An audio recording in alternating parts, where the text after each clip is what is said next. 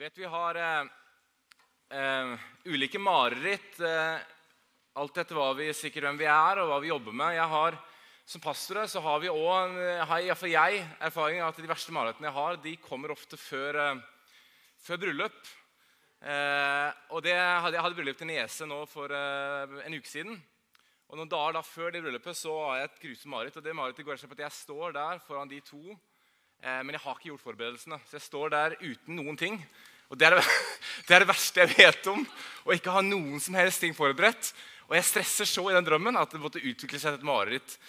Eh, I dag så drømte jeg da at jeg, hadde, at jeg var i ferd med å miste tennene mine. Så sa jeg til Merete når jeg sto opp, at jeg, de bare datt ut. Så sa jeg til Merete jeg har hørt et eller annet om dette er en sånn vanlig drøm folk har, som betyr noe. Så googla jeg det. Så så jeg at det betyr at du er redd for å miste ansikt. Så jeg vet ikke om det er det, eller om det er det at jeg er litt bekymra akkurat nå for at jeg kanskje er i ferd med å få min første rotfylling. Jeg tror egentlig det er det det går på, for jeg er midt i en prosess i forhold til de tinga der. For noen år siden så ble det satt en verdensrekord i svømming. Så det står respekt av. Etter 18 mils svømming, etter 53 timer i vannet i strekk, nådde Diana Nyad, som da var 64 år gammel, målet om å svømme fra Cuba til Florida uten beskyttelse mot hai, som er en del av det området. Etter at fire tidligere forsøk som feila, så kom den fram. Og når det kom fram, var hoven kan, kan google det her, nei, gå på YouTube og se det, hoven over absolutt alt. Dels pga. den kremen hun har smurt seg inn med for å beskytte seg mot planetene, som, hun, som gjorde at hun måtte stoppe sist gang. Og dels har hun vært i vann i 53 timer i strekk. Og da kom i mål, så gikk hun ut på Twitter med tre ting. Én aldri gi opp. To du er aldri for gammel til å jage en drøm. Tre det handler aldri om individet. Det handler alltid om teamet. Og Når du har sett litt rundt det forsøket, hva hun gikk igjennom, så griper de tre punktene deg. Det vi holder på med her inne,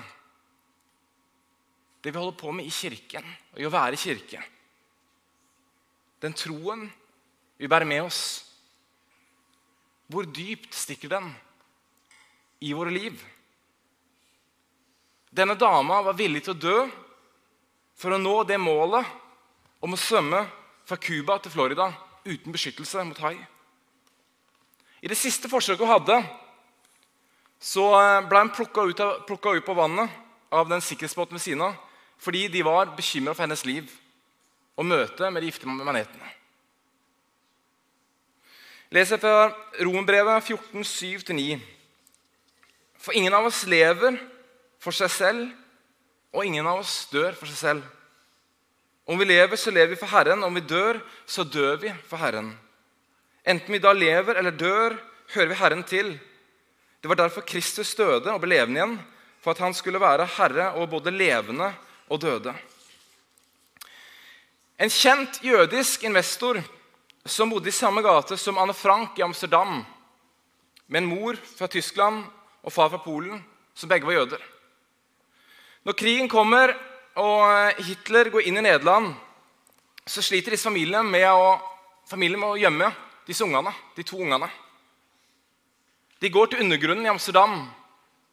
Der blir de kjent med familie, en pastorfamilie.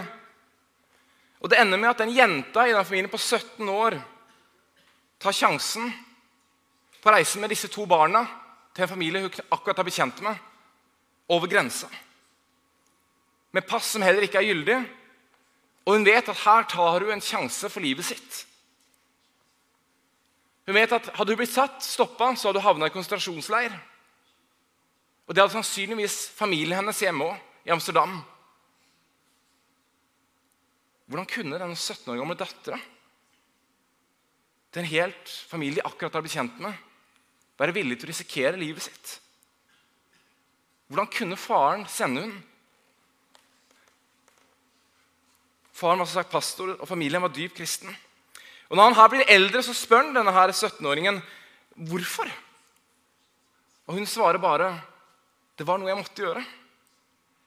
Fordi vi opplevde det var Guds vilje. Ikke overraskende så blir vi prega av sånne traumatiske hendelser i løpet av et liv.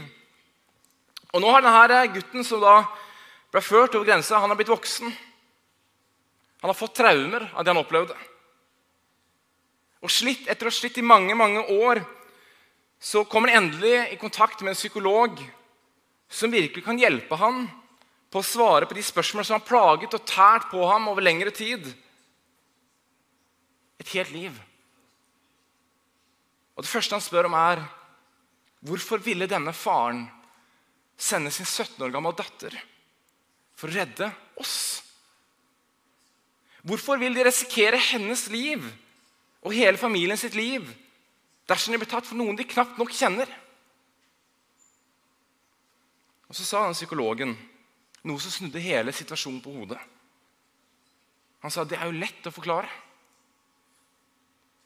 Mannen ble helt paff. Hva mener du at det er lett å forklare? Da må du forklare det for meg, for jeg har slitt med dette et helt liv, og jeg finner ikke svaret på det. Så sa han det. Hvis prinsippene dine er viktigere enn ditt liv, så ofrer du livet for å beskytte prinsippene. Men dersom livet ditt er viktigere enn prinsippene dine, så ofrer du prinsippene.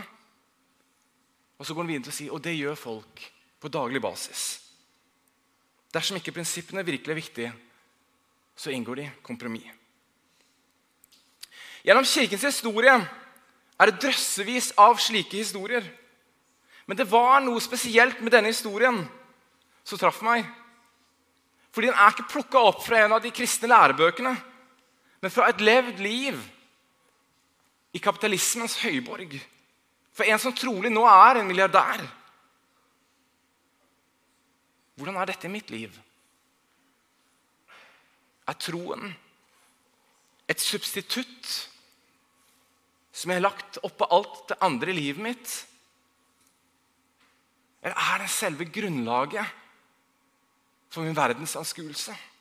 For hvordan jeg møter livet? for hvordan jeg lever, og for hvordan jeg ønsker å møte andre. Vi går inn i en tekst til. 1. Korinterbrev 9, 24-27.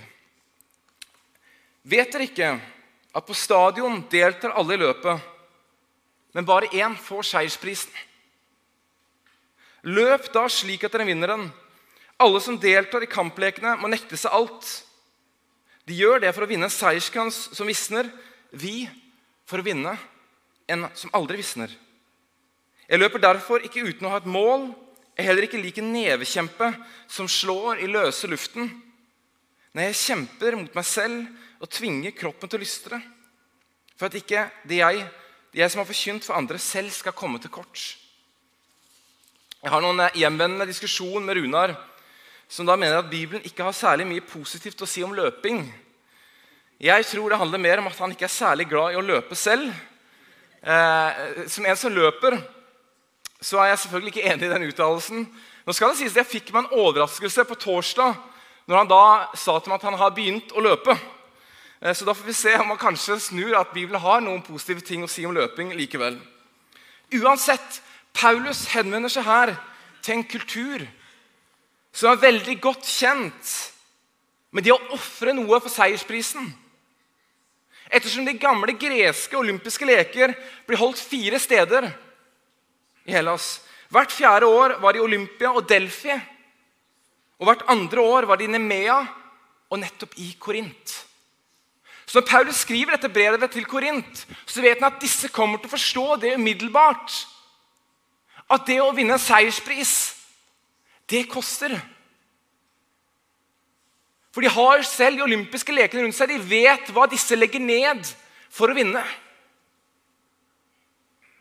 Og Med de siste års utvikling i 1500 meter og 5000 meter så tror jeg også folk i Sandnes har fått et mer med bilde av hva noen ofrer for å vinne en seierspris. Vi forstår bildet til Paulus om å, om å gi alt. Det koster noe. Det kommer ikke gratis. Men så peker da Paulus på at han og vi som kristne vi kjemper ikke for en pris som visner, men for en pris som blir stående. La oss vandre litt inn i finans. I finans så er det en analysemetode som kalles destinasjonsanalyse. Jeg tror ikke den er veldig utbredt, men den er der. Og den er spennende. Jeg hørte en podkast om dette tidligere i sommer. Jeg vet jeg har litt nerdetendenser på sånne ting, men jeg gjorde iallfall det. Uansett så er det tankeganger det her når jeg hørte, tenkte jeg, dette kan jeg bruke i en tale. tenkte jeg. Det er ofte sånn du gjør. Du plukker ut og tenkte, dette kan jeg bruke. Eh, destinasjonsanalyse det handler om at investorene fokuserer på de tingene i livet som har god, langsiktig destinasjon. Så det vil da si dette selskapet har en flott destinasjon om 20-30-40 år. De analyserer seg fram til det, og derfor går de inn på tidlig stadie. Og så jobber de seg da baklengs fra den de ser fram Hvilken trigger er, hvilke inputer ser jeg langs den veien som gjør at jeg tror at det selskapet der borte kommer til å være så stort? Kommer til å nå den destinasjonen? Hvordan behandler de kundene sine? Driver de ned kostnadene sine? Er de effektive? Behandler de sine leverandører godt? Er produktet unikt? Kan det lett distrupteres? Og så I den podkasten går disse da, to finansfolka de går videre. Så egentlig, sier de, så viser det her å være ganske enkel måte også å se verden på. For du kan jo se ditt eget liv sånn. Ok. Hvis, hvis jeg vil at destinasjonen min skal være 'huske familien min', men med glede når jeg dør, eller er jeg fleksibel som en gammel mann og faktisk kan løfte barnebarn og oldebarna mine, hva er da det jeg må legge inn nå for forhåpentligvis nå den destinasjonen i gammel alder? Og For meg ble det nesten en åndelig stund i den podkasten. Og dette er ikke en åndelig podkast. Men vi har så lett for å gjøre beslutninger ut fra her og nå. Fordi vi blir trent opp av reklamen og informasjonssamfunnet at gjør du dette ene, så snur livet ditt opp ned i dag. Hvis vi bare handler nærmest på impuls nå Bruk denne sjampoen og alle dine problemer i livet forsvinner. Men så gjør de jo ikke det. De problemene er der i morgen òg, selv om jeg begynte å bruke den sjampoen. Så da hvor disse Finansfolka de snakker om hvorvidt et aksjeselskap har en så unik produkt, nisje og posisjon som gjør at de kan se at dette her selskapet kommer til å forstås positivt, kommer til å være gigantisk om 30 år. For de vil fortsatt være der. De vil ikke være konkurs så vil da investorene følge den måten å tenke på og investere i disse selskapene. Og om det kortsiktig går dårlig, om kursen virkelig stuper, men det skjer ingenting med casen, så er det det fortsatt. For de ser langsiktig. De er fortsatt sikre på de skal dit. Ja vel, jeg mista 70% av pengene mine, men de skal dit. Det som betyr her, her, her og nå, betyr mindre for dem. Overført til våre kristne liv så er destinasjonen vår sammen med Gud. Vi er skapt av Gud, og vi er skapt til Gud. Dette legger noen føringer på hvordan vi handler her og nå. Og klarer å se det langsiktige i de valgene vi tar. Jeg har tatt det valget Gud, om at jeg ønsker å følge deg gjennom et helt liv. Jeg ser det der langt der borte når jeg er gammel og grå. Og når jeg en gang skal dø, så skal jeg dø med deg, Herre. Ja, hva betyr det da for det livet jeg lever her og nå? Hva betyr det for de valgene jeg tar? Hvordan ønsker jeg da å leve her?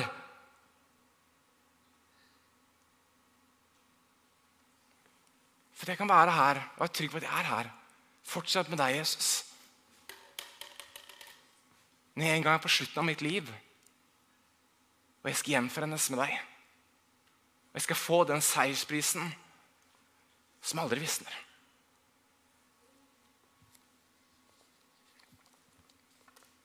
Da kan jeg ikke ta de spontane valgene som på sikt fører meg vekk fra den stien jeg har valgt. Om å følge deg. Om å prøve å være tett på. Om å få lov å leve i din nåde hver eneste dag.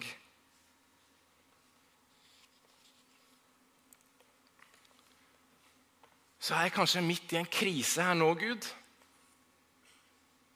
Hvordan kan jeg manøvrere meg ut av den? Uten at jeg tukler med destinasjonen. Den retningen jeg har satt for livet mitt. Det jeg i bunn og grunn lever for. Og det jeg ønsker å sitte igjen med til slutt. På mange måter handler det egentlig om et bærekraftig liv. Ut ifra hva jeg dypest sett vil med livet mitt. Og det å leve også et bærekraftig trosliv. For hvis destinasjonen din er å leve et liv skapt av Gud, med retning mot Gud, og bli gjenforent med Han, så vil det prege avgjørelsen din. Det vil prege vurderingene du tar. Det vil prege valgene du tar. Vet du hva, Jeg er faktisk nødt til å gjøre det. Ikke fordi vi er loviske. Nei, nei, på ingen måte. Vi lever i nåden. Men fordi troen vil gi en retning for livet ditt. Fordi den seiersprisen ikke bare ligger her borte og venter på oss. Den har allerede grepet inn i mitt liv. Ved at jeg er i Kristus nå. Og han lever i meg. For disse investorene Nei, nå hopper jeg litt her. Eh, Magnus Malm skriver i den siste boken sin et veldig tankevekkende spørsmål. Er Gud et tillegg på toppen av et grunnleggende sekulært liv? Eller er Gud et utgangspunktet for en annen måte å leve på? Og det treffer rett inn i meg. Jeg tror jeg treffer inn dere òg. Er Gud en jeg bare plasserer oppå alt det andre? Eller er Gud en som dypest sett er den som bestemmer hvordan jeg lever? Og som er utgangspunktet for hvordan jeg lever, hvordan jeg tenker. For disse investorene så vil det å forlate den strategien de da har valgt, om det selskapet langt der borte 20-30-40 år De ser hvor det skal. De kan selvfølgelig ta feil. Det, det vet vi jo. De kan selvfølgelig ta feil. Men det å forlate den strategien det vil kanskje være at de selger seg ut for tidlig. De taper penger. Og Kanskje sitter de 20 år senere og river seg i håret. Hvorfor ble jeg ikke? Hvorfor stolte jeg ikke på de analysene jeg hadde gjort? Men for meg og deg er det i verste fall at vi kommer ut av retningen med livet vårt. Og at Gud etter hvert bare blir toppen på et mer eller mindre sekulært liv. Der vi egentlig hadde mulighet til å kunne velge å leve annerledes. Og se hvordan ser det ut å følge deg i mitt liv hver eneste dag ut Jesus. Og så forstår jeg veldig godt at det vil være lettere å si for kanskje for en pastor som jobber i en menighet, enn en del andre typer yrker. Men hvordan ser det ut der? Hva betyr det for de menneskene jeg møter? Hvordan jeg ser på dem? Hvordan jeg behandler dem?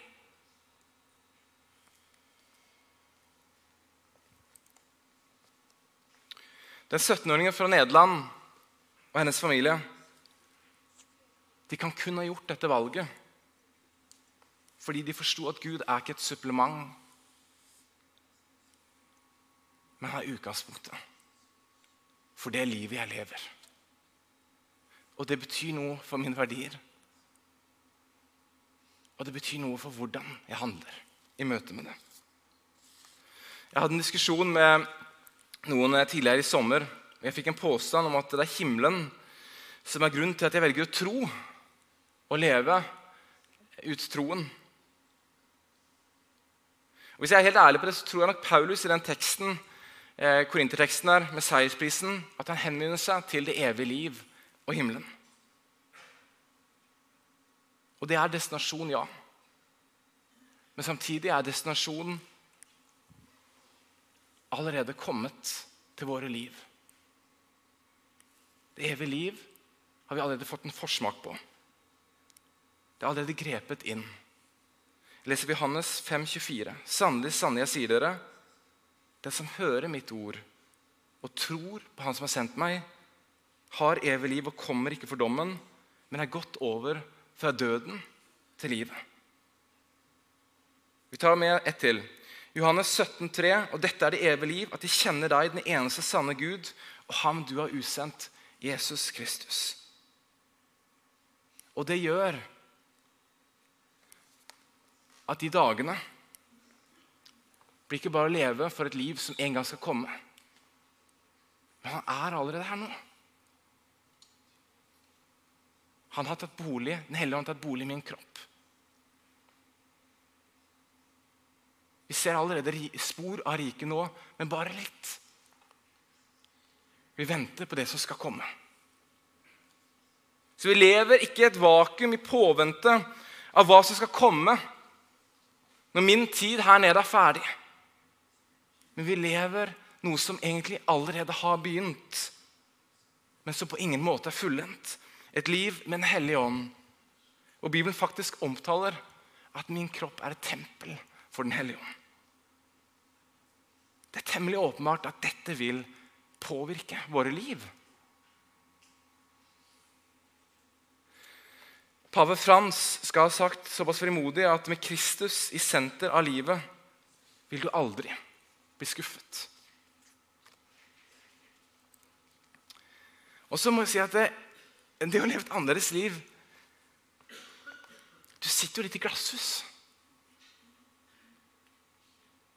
Jeg står ikke her og sier at jeg får det til. Jeg håper det er spor av det i mitt liv. Og når det spørsmålet er stilt, er det toppen på et sekulært liv, eller er det grunnleggende forståelsen av hvem livet er? Så kjenner det treffer meg dypt. Hvordan lever jeg livet mitt? Bærer det et vitnesbyrd om Jesus Kristus? Eller bærer et vitnesbyrd om noe helt annet? Der hvor disse finansanalytikerne måtte glede seg av triggere som skjer i disse selskapene opp gjennom årene, som viser at de har fortsatt tro på at de skal nå den destinasjonen der framme om 20-30 år, så har destinasjonen vi har satt oss, direkte innvirkning på våre liv gjennom at Den hellige ånd er med oss, vil lede oss, gi inspirasjon, kraft, mening, fylle våre liv med håp, trøst og visdom. Midt i det livet vi lever nå, så vil det komme dager, uker, måneder som er krevende. Og Hvis vi da begynner å handle på impuls, så risikerer vi å komme ut av den veien vi kanskje egentlig ønsker å gå. Livet skjer med alt hva det innebærer av død, fysisk og psykisk sykdom. Ting som vi ikke selv kan kontrollere, men som påvirker oss.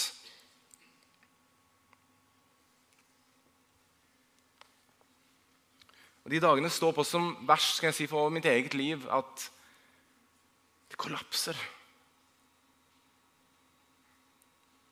Og du roper til Gud 'Hvor er du, Gud?' De dagene må bare få lov å kaste, du har lyst til å kaste alt over bord. Så det er kanskje de dagene jeg må gå opp i fugleperspektiv og se. Hvor kommer jeg fra? Hvor skal jeg? Gud. Hvor er du akkurat nå, Gud, i mitt liv?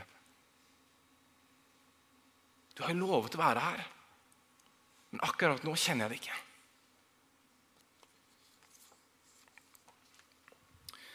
Stanley eh, Hauerwas, som er tidligere professor emeritus i teologi, har sagt vårt håp i et liv utover døden er et håp som er gjort mulig, ikke av en sentimental tro på livet etter døden, men ved vår deltakelse i Kristi liv. Og midt i dette står vi som kristne mulighet til å sette en destinasjon. Et siktemål som består. Noe å leve for. Som kommer til å prege hele vårt liv. Ikke bare en frihet fra noe, men en frihet til noe. Å få lov å leve i etterfølgelsen av Jesus Kristus gjennom et helt liv. Vi er så vant med å tenke at det er valgene jeg tar, og hva jeg gjør, som fører til sluttresultatet. Men hva hvis vi snur det på hodet og heller sier at det er destinasjonen jeg har satt, som former de valgene jeg tar, og det livet jeg lever? For ingen av oss lever for seg selv, og ingen av oss dør for seg selv. Om vi lever, så lever vi for Herren. Om vi dør, så dør vi for Herren. Enten vi da lever eller dør, hører vi Herren til. Det var derfor Kristus døde og ble levende igjen. For at han skulle være herre over både levende og døde. La oss be. Kjære Jesus, takk for at vi får lov å sette deg i sentrum for vårt liv. Og takk for at du har gitt oss tilgang til det evige liv gjennom det du gjorde på korset. Når du døde og du sto opp igjen, og du viser en vei for hvordan det vil se ut også for oss.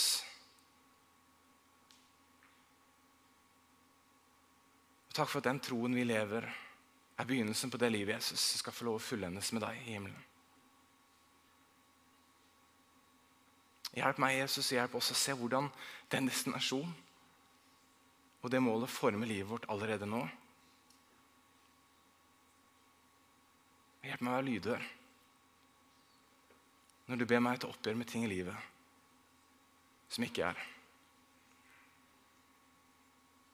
Og at livet må preges først og fremst av deg, så at det vitner om deg fremfor noe annet. I Jesu navn. Amen.